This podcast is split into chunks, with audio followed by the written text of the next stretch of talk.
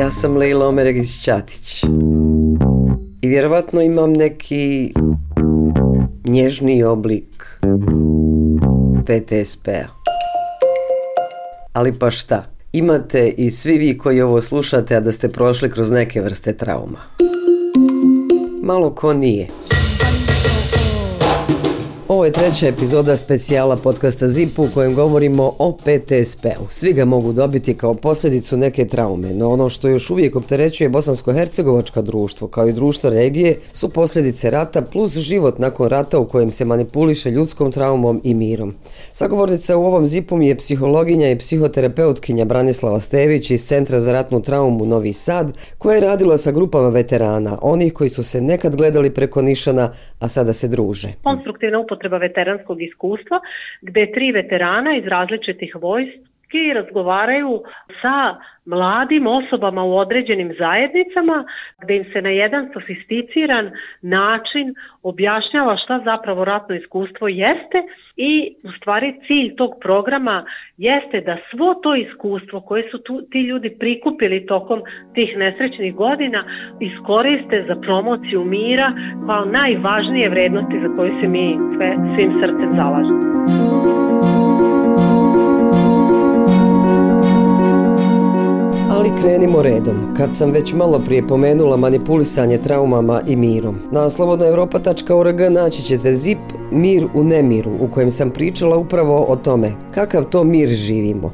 Pa mi je u svojoj analizi mirovna aktivistica Amra Panđo rekla ovo. Postoji onaj mir koji mi zovemo pozitivnim mirom, to je kada je nivo sigurnosti, pravde, znači tog stvarnog pozitivnog mira, takav da čovjek je zadovoljan odnosima koji postoje u životu. Mi smo dakle jako u negativnom miru, to je nešto što se zove negativni mir. Mi nemamo ratnog sukoba, ali niti smo razgradili ono što se desilo u prošlosti. Mi imamo jednake centre ideologije koji proizvode ideologije koje su bile te koje su proizvele nasilje, mi e, e imamo viktimizaciju užasno prisutnu na strani žrtve, znači ne otvaraju se vrata onome ko je bio nasilnik da mi krenemo u taj neki proces pomirenja, nego je on uvijek i vječno kriv sa koljena na koljeno i tako dalje. Znači, to naravno ne moraju da rade obični ljudi, mi imamo političke elite koji su na taj način obogatile, zbog čega je u stvari u najvećem dijelu rat se i dogodio i oni to nastavljaju da retraumatizacijom i manipulacijom proizvode kod ljudi. A ostalo šta kaže Amra poslušajte u Zipu Mir u nemiru. PTSP je stvarno jedan ozbiljan društveni problem. Tako reći jedan kolektivni PTSP, a tako nekako zaključuju i sarajevski taksisti Emsud i Adis, koji, kako se to kaže, rade s ljudima. Poslije rata mora biti tu, nema, ne može biti lijepo, ništa. Ima sigurno, ti kažem, više od 80%. Samo, Samo što ljudi ne idu kod nas, ni doktorima, ni na kontrole, nemaju taj običaj.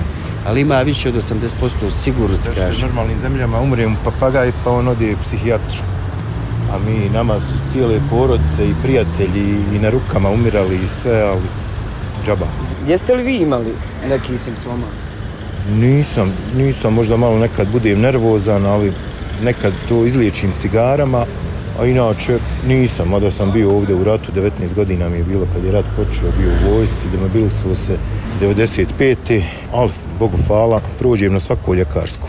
A kad su u pitanju posljedice, ima išta da osjetite, da, se, da, se, da, da imate neki okidač? Pa vjerujte, onaj neki dan sam baš pogledao onaj snimak, ono što se gleda, desilo u gradačicu.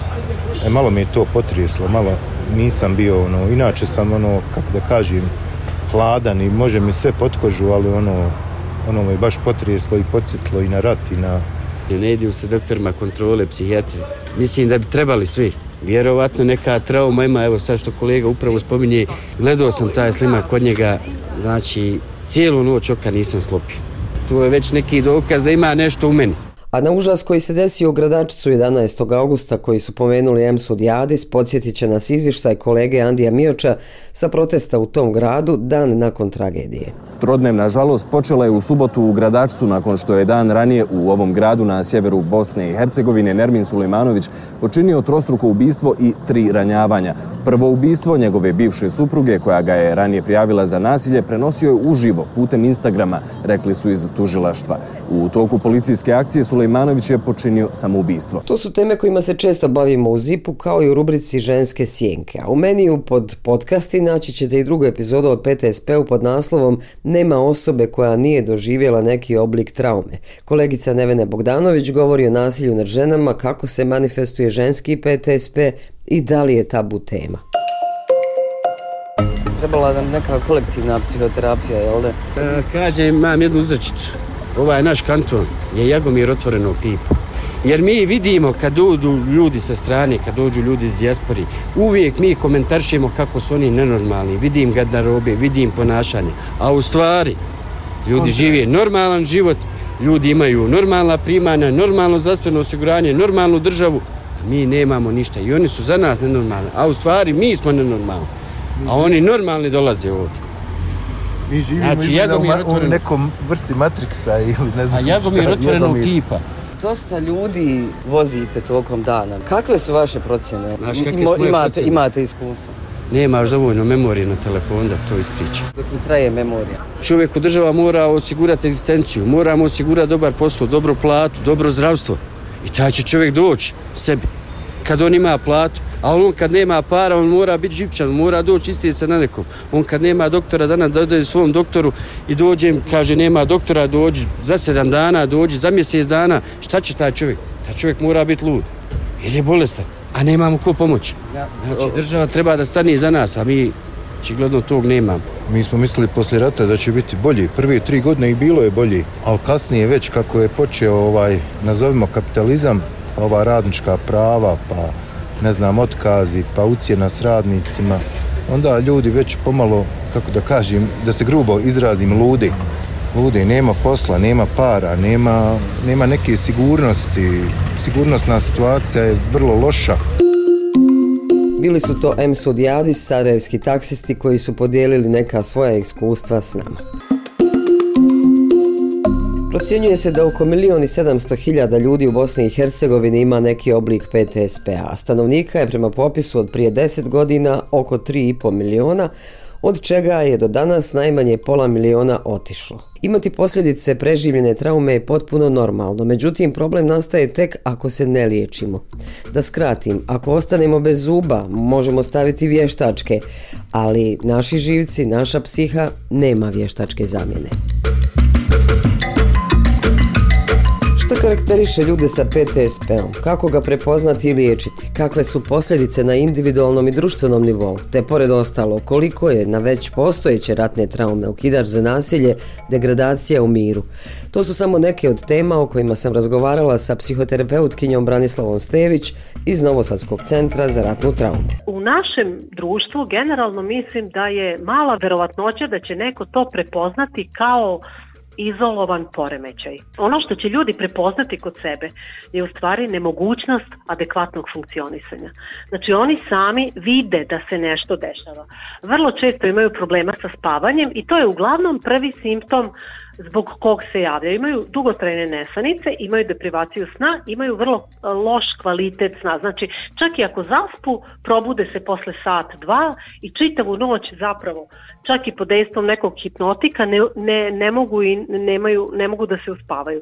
Znači, prvi problem je u stvari na tom nivou gde mi primetimo da se nešto značajnije dešava. Ono što karakteriše u stvari taj sam Uh, način za prepoznavanje su recimo snovi koji su u formi um, traumatskih sećanja. Znači to su kao flashbackovi koje osoba bukvalno ima osjećaj da preživljava kao da se sad traumatski događaj dešava. Kada govorimo o traumatskom događaju, uopšte ne mora sama osoba koja je razvila PTSP da, da bude prisutna.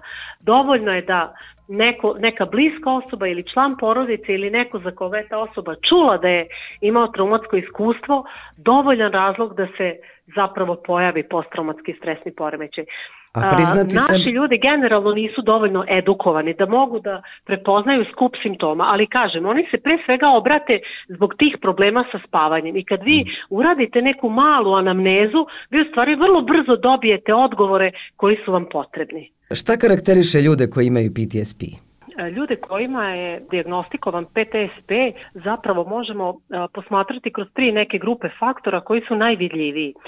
Prva grupa su, mi ih tako zovemo nametljivi nametljive intruzivne misli i lako se ta grupa simptoma praktično prepoznaje po tome što često osoba koja je preživjela neko traumatsko iskustvo bez svoje volje misli o tome, stalno mu se vraća u misao, vrlo, vrlo nametljivo, a sa doživljajem kao da se to dešava u sadašnjosti.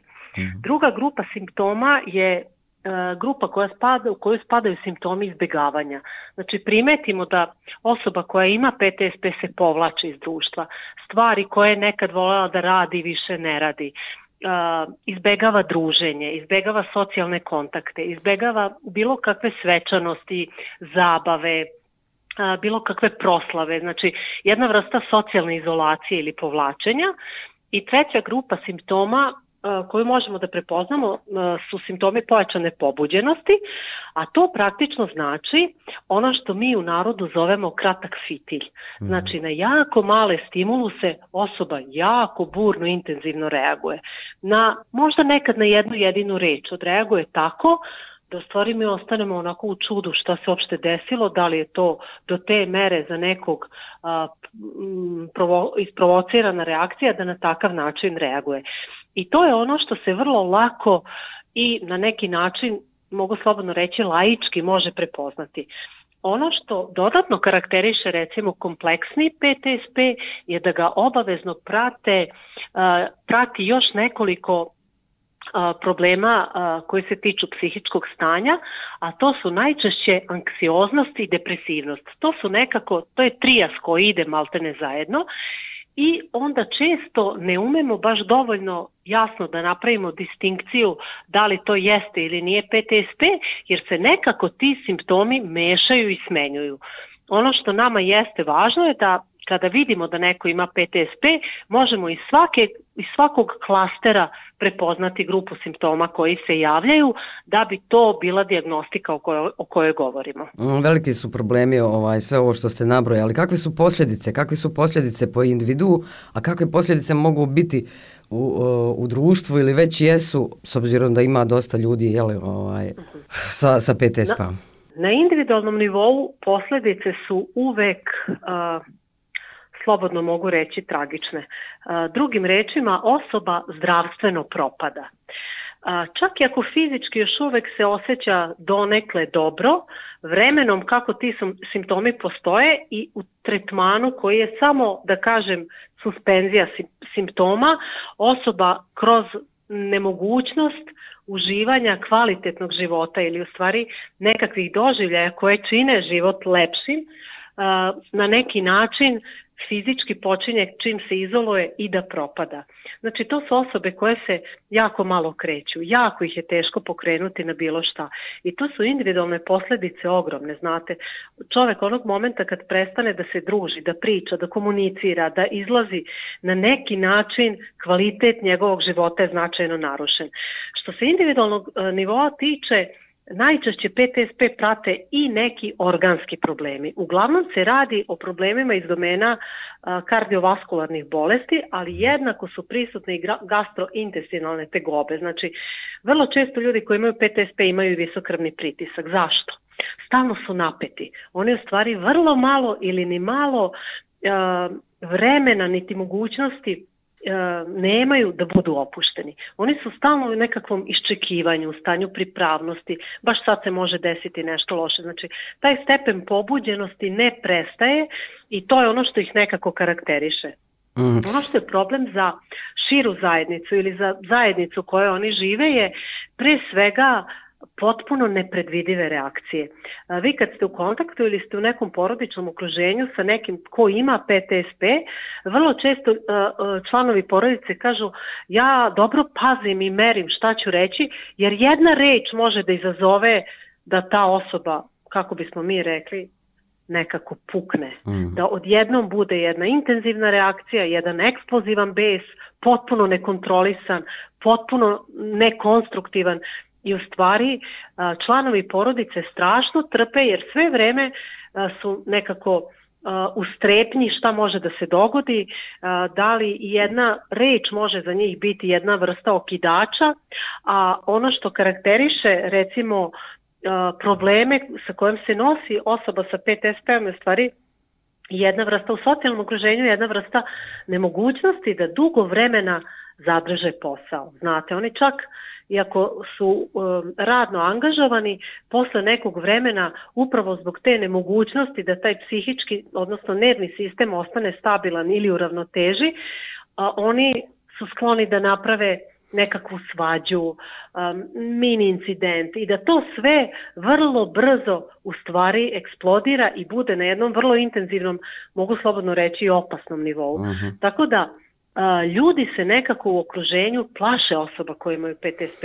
A, mogu reći da u nekim situacijama čak i zaziru od njih, izbegavaju ih, jer znaju da su te reakcije zapravo vrlo nepredvidive i vi nemate nikakav garant da kada nešto sa nekim radite, da će to sve proći ok, da neće doći ni do kakvih nemilih scena, neočekivanih reakcija. I u stvari, uh, i pošto se osoba sa PTSP-om na neki način izopštava iz društva, pritom i samo inicijativno se u stvari povlači. I onda imamo praktično dupli problem.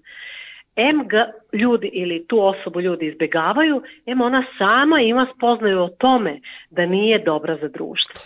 I Meni to se... je nekako dvostruki problem s kojim se mi danas nosimo. Evo i 30 godina nakon rata, 25-30, ovaj, yes. e, mnogo je ljudi koji ne žele da se suoče s tim da imaju PTSP i odbijaju potražiti stručnu pomoć. Yes. I kako im pristupiti ako nisu svjesni toga? Jel? Mislim, vjerujem da je ovo komplikovan proces. Jeste. To je pre svega komplikovan proces i jedan vrlo težak proces za koji ja verujem da će još trajati. Znate, neke istraživanja pokazuju da se nakon drugog svetskog rata, čak i 50 godina nakon završenog rata, su se pojavljivali simptomi PTSP-a ja zaista verujem da ni mi nećemo imati sigurno neko mnogo drugačije iskustvo. Ono što jeste problem je u stvari jedna vrsta stigmatizacije ljudi sa bilo kakvim mentalnim tegobama, pa samim tim i sa posttraumatskim stresnim poremećajem.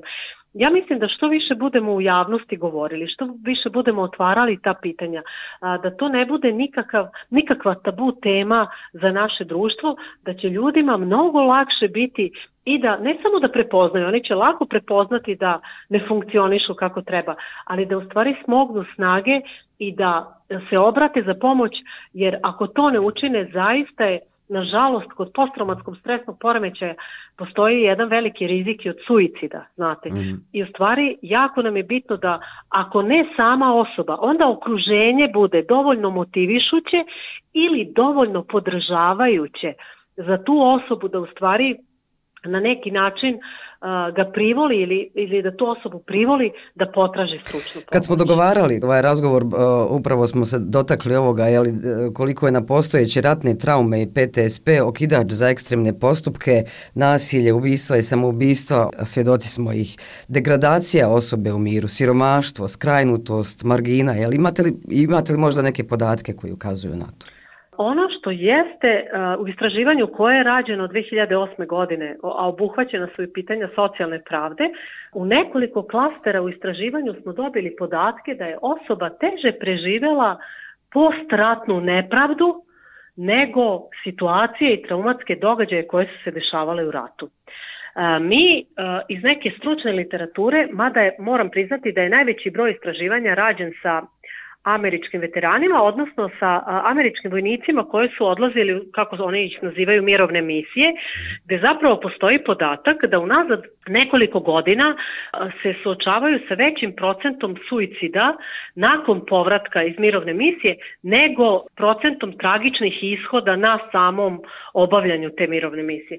Što znači da taj period nakon rata i sve ovo što se nama zapravo dešava je jedna vrsta kolektivne traume. Znači, ljudi koji su prošli lična traumatska iskustva, imali vrlo bolne i tragične događaje u sobstvenom životu, mnogo će vulnerabilnije odreagovati na sve ovo nakon da kažem ratnih dešavanja, znači na sve ovo što se dešava zvanično u miru gde smo svakodnevno izloženi počekši od najobičnijih oblika komunikacije, jedne vrsti nasilne komunikacije i maltene prisustvo agresivnog ponašanja takođe na svakodnevnom nivou. Znači oni su ti koji će to mnogo teže podneti, mnogo brže reagovati, mnogo lakše ući u problem, jer u stvari su um, praktično populacija koja je mnogo ranjivija u odnosu na populaciju ili, ili bar onaj drugi deo populacije koji je nekako mentalno zdravi, donekle mogu uh mhm. -huh. slobodno reći očuvan. Kako se liječi? Dakle, kako, kako se uopšte prestaje imati PTSP? Uh, jako je teško pitanje kad prestaje PTSP. Ono što mogu da kažem je da u stvari uh, osoba može vrlo kvalitetno i funkcionalno da živi uh, a, mi ne znamo kad mogu ponovo da se vrate simptomi PTSP-a ukoliko je okruženje, odnosno primarna porodica u kojoj se osoba nalazi i neko okruženje malo šire zajednice toplo i podržavajuće. Znači što više ljudske empatije za ljude koji imaju takvu vrstu problema je ne da, ne da mogu reći lekovito, nego a, bukvalno dovodi do isceljenja. Kada oni shvate da nisu sami, da nisu odbačeni, da nisu ostavljeni, da, ni, da ne, ne doživljavaju prezir od strane društva, u stvari kreće taj unutrašnji oporavak. A, ono što jeste interesantno, Ja sam baš bila na jednom kongresu na Jahorini gde su predavači bili iz Izraela i Sjedinjenih američkih država gde smo u stvari imali jednu vrstu, da kažem, prikaza nove terapije MD, korišćenje MDMA-a u humane svrhe, gde osobe koje su uh, obolele od PTSP-a nakon samo nekoliko tretmana zapravo imaju mnogo bolju prognozu nego što su imale uz pomoć medikamentozne terapije i nekog od oblika kognitivno-behavioralnih terapija. Koliko će to i kada zaživeti kod nas ne znam, mislim da tek sledeće godine se radi ta prva klinička studija u Bosni i ja se stvarno nadam da mi nekako u korak sa svetom možemo da ispratimo sve to što je aktuelno na svetskom nivou i da u stvari sve ono što će pomoći i zapravo unaprediti mentalno zdravlje ljudi koji su na ovom prostoru prošli svaku vrstu traume, a pre svega mislim na ratnu traumu, da ćemo uspeti da primenimo sve to kako bismo unapredili kvalitet njihovog života. Da govorimo o tome da traume apsolutno mogu da prođu, mi često kažemo i našim klijentima da mogu samo da nauče da sa što manje bola žive sa tim, a da mogu da potpuno obrišu i sećanje i da apsolutno ne reaguju, mislim da je nerealno mhm. očekivanje od, od čoveka koji je obola od PTSP. Da. da li vam se javljalo više ljudi s tegobama od kako je počeo rat u Ukrajini? Naravno, naravno. Znate kako, svaki okidači koji su i u diagnostici PTSP-a na bilo koji način koji podsjećaju na prethodne traume, koji na neki način asociraju na ono što se desilo, vidjet ćete pojačanu simptomatologiju i kod ljudi koji su recimo samo bili na, na teritorijama koje su bile ratom zahvaćene. Mi smo od e, marta prošle godine imali zaista velik broj. Prvo je korona donela jako velik broj kao jedna vrsta, mogu reći, kolektivne traume na svetskom nivou i opšte taj poremećaj funkcionisanja kako je nastala panika početkom 2020. A nakon toga taj nesrećni mart 2022 imali smo mnogo veći broj i to naročito ljudi koji su u stvari živeli na teritoriji ili su uh, tokom, ne znam, 90-ih izbegli ili su promenili status uh, u kom se trenutno nalaze, koji su u stvari preživeli jednu vrstu traume gde su samo gledajući vesti na TV-u uh, ponovno doživeli jednu vrstu retraumatizacije i mnogo veći broj je bio poziva koji se tiču destabilizacije mentalnog zdravlja i to, se, to smo negde i očekivali. Čak i neka simptomatologija koja se ticala, ne znam, pojačanih reakcija, znači svog tog stepena pobuđenosti samo dok prolazi avion, koji je običan putnički avion, ljudi su imali pojačane reakcije u odnosu na sve to što se dešavalo pre 25 godina i, tri, i 30 mm. godina. Kako smo krhki. Da. Stvarno jesmo, da. grane smo Jeste. na vjetru. Ljudska psiha je jako jedna nežna tvorevina i mi mislimo koliko god bili jaki, u stvari svi smo vrlo ranjivi na neke stvari, tako da, mm. da. Jasmin Osmankić je veteran rata u Bosni i Hercegovini kojim je diagnostikovan PTSP. U jednom od naših TV Libertija ispričao je kako mu scene stradavanja ljudi u Ukrajini vraćaju sjećanja na teške i traumatična iskustva. Kad gledam najveće ovo stvarno imam veliki problema, vraćam i vraćaju mi se ti snovi iz rata, vraćaju mi se to i kajem ti da sam bio čak završio, ti u bolnici sam bio završio i ovo nespavanje, pojačao sam sebi terapiju. Inače, Jasmin se kao Jadan Hasanbegović, s kojim sam razgovarala u prvom podcastu o PTSP-u pod nazivom Podgrijavani posttraumatski poremećaj, liječio i aktivizmom. Dosta sam se izborio da dođu naše lijekovi na socijalne liste, da pomognemo socijalno ugroženim, da kad je problem ide s nekim pokušaj suicida, da porazgovaraš čovjeku da ga ne dođe do E, rat nikome dobro nije donio. E, bolje deset godina pregovarati nego jedan dan ratovati. Na Jasmin je bio i udruženje Pravi požar zajedno sa veteranima iz sve tri zaraćene vojske 90. godina. I oni su upravo sarađivali sa Centrom za ratnu traumu iz Novog Sada i sa psihoterapeutkinjom Branislavom Stević s kojom nastavljam razgovor tamo gdje smo stali. Na, na, na koji način e, vi radite kroz svoje programe? Jel, kroz ove programe, samo da kažem, prošao već veliki broj ljudi iz Srbije, iz Bosne i Hercegovine i to su ratni veterani sve tri vojske. Jeste. Pa u Centru za ratnu traumu su zapravo uh, postojala tri programa koja su bila sprovodila, danas se ne, ne sprovode svi, a reći ću i zašto. Prvi program, program je besplatno uh, savetovalište za ljude, odnosno osobe sa iskustvom rata i članove njihove, njihovih porodica. Znači, sve osobe, bez obzira da li su imali diagnostikovan PTSP ili ne, ali su imali ratno iskustvo, imaju pravo da bez knjižice, bez plaćanja dobiju uh, tu vrstu, mogu slobodno reći, dragocene psihološke pomoći i uh, od stručnjaka koji su posebno i dodatno edukovani za rad sa traumom. Uh, to je prvi neki program i sa time zapravo Centar za ratnu traumu i počeo svoj rad. Nakon toga se razvio program grupe za podršku osobama sa iskustvom rata, gde je u stvari uh, program koncipiran tako da postoji facilitator koji nužno ne mora biti psiholog i grupa ratnih veterana koja se okuplja oko zajedničkog cilja. Šta je zajednički cilj? Samo bolje, srećnije i spokojnije funkcionisanje čoveka kao pojedinca u društvu ovakvom kakvom jeste da se što bolje integriše nakon svega što je prošao, da se što bolje uklopi, jer znate, mi očekujemo da ljudi koji su preživeli ratna iskustva i koje su preživeli najtragičnije ishode takvih iskustava, da funkcionišu potpuno normalno. To nije realno očekivanje. Znači, mi očekujemo da neko kad se rat završi nastavi da živi svoj život kao da se ništa nije desilo. I upravo zbog toga ti programi jesu koncipirani tako da osobe dobiju tu vrstu podrške, ali na neki način i tu vrstu društvenog priznanja da su oni ipak prošli drugačija uh, mnogo stresnija iskustva koja u stvari u nekim situacijama običan ljudski mozak ne može ni da zamisli. I treći program koji je konstruisan u Centru za trau, ratnu traumu i mislim da je u stvari možda i jedan od najboljih i najduže je zapravo implementiran i dan danas je a, da, danas sam se baš čula sa kolegama iz Bosne i oni su rekli u sedam dana su imali sedam dijaloga. On se zove konstruktivna upotreba veteranskog iskustva gde tri veterana iz različitih vojski razgovaraju a, sa mladim osobama u određenim zajednicama, to su najčešće srednjoškolci, odnosno završni razredni srednjih škola ili neki početak fakulteta, gde im se na jedan sofisticiran način objašnjava šta zapravo ratno iskustvo jeste i u stvari cilj tog programa jeste da svo to iskustvo koje su tu, ti ljudi prikupili tokom tih nesrećnih godina u stvari uh, iskoriste za promociju mira.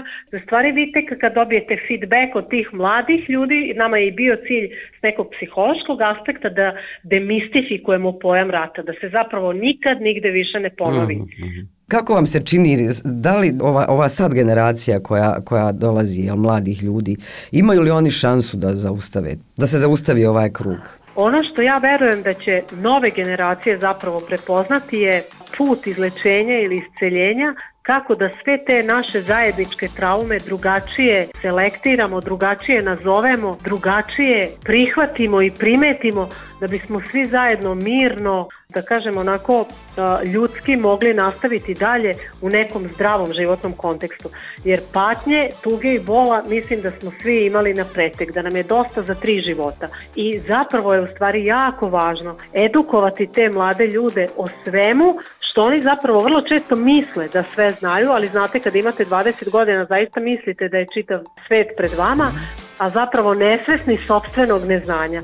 Kada im se priđe na jedan drugačiji način ili ovako interaktivno, kako se radi, oni umeju da čuju drugačije. Ja nekako sve nade polažem da su to generacije koliko god nekako ih mi videli kao otuđene, kako im je važno samo lično zadovoljstvo ili razvije neke narcisoidne crke, što je sad već neko uvreženo mišljenje za tu generaciju nakon 2000-te. Zaista mislim da ima sjajnih mladih ljudi kojima mnogo više prostora treba dati i u medijima i u društvu i u stvari konstantno isticati te pozitivne, sjajne primere, ne baviti se nekakvim vrednostima koje ja vrednost ne mogu ni da nazovem, i u stvari promeniti taj koncept posmatranja uspeha u životu. Znači da neke vrednosti koje su opšte društvene dođu do izražaja, a ne neke popularističke koje su onako vrlo upitne gde u stvari imamo problem generalno kao društvo da se svi osjećamo apsolutno diskreditovani. Ne znam stvarno zašto toliko više odjeka imaju oni koji zagovaraju nasilje nego oni koji zagovaraju mir. Jer sigurno je da ima mnogo, mnogo više mirotvoraca u svim društvima svijeta nego ovih drugih. Pa onda film i teatar su uvijek usmjereni na dobro, na humanost, na mir. Ne mogu da ne pomenem i predstavu Balkan Bordelo koja se upravo bavila temom PTSP-a po drami kosovskog pisca Jetona Neziraja i u režiji Bljerte Neziraj, a u kojoj su glumili glumci sa Kosova, iz Srbije i Amerike.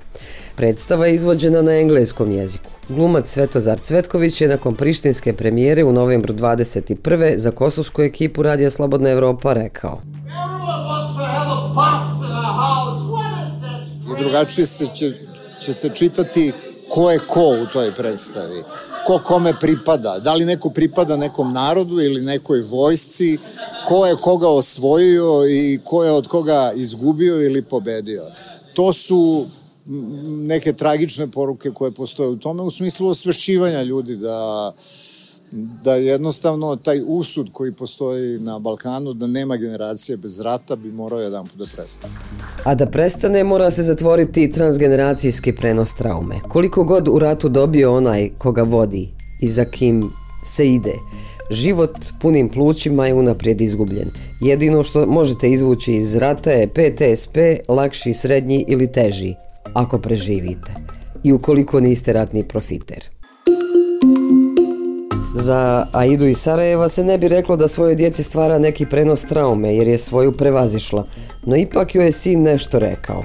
A iskreno i ne razmišljam puno o tome, život se mota, koluta, imam svoju djecu, život nastavlja dalje, moramo živjeti, rad sad, ko ima problem, ko se nije uspio izboriti s tim, jel, pustoje neke terapije, vježbe gdje se tu, ali ja ne obričam pažnju na to.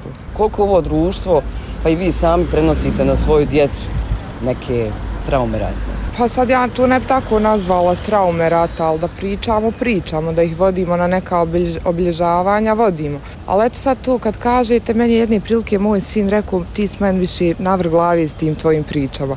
Tako da ima sve to smisla što vi ovaj pitate i što govorite.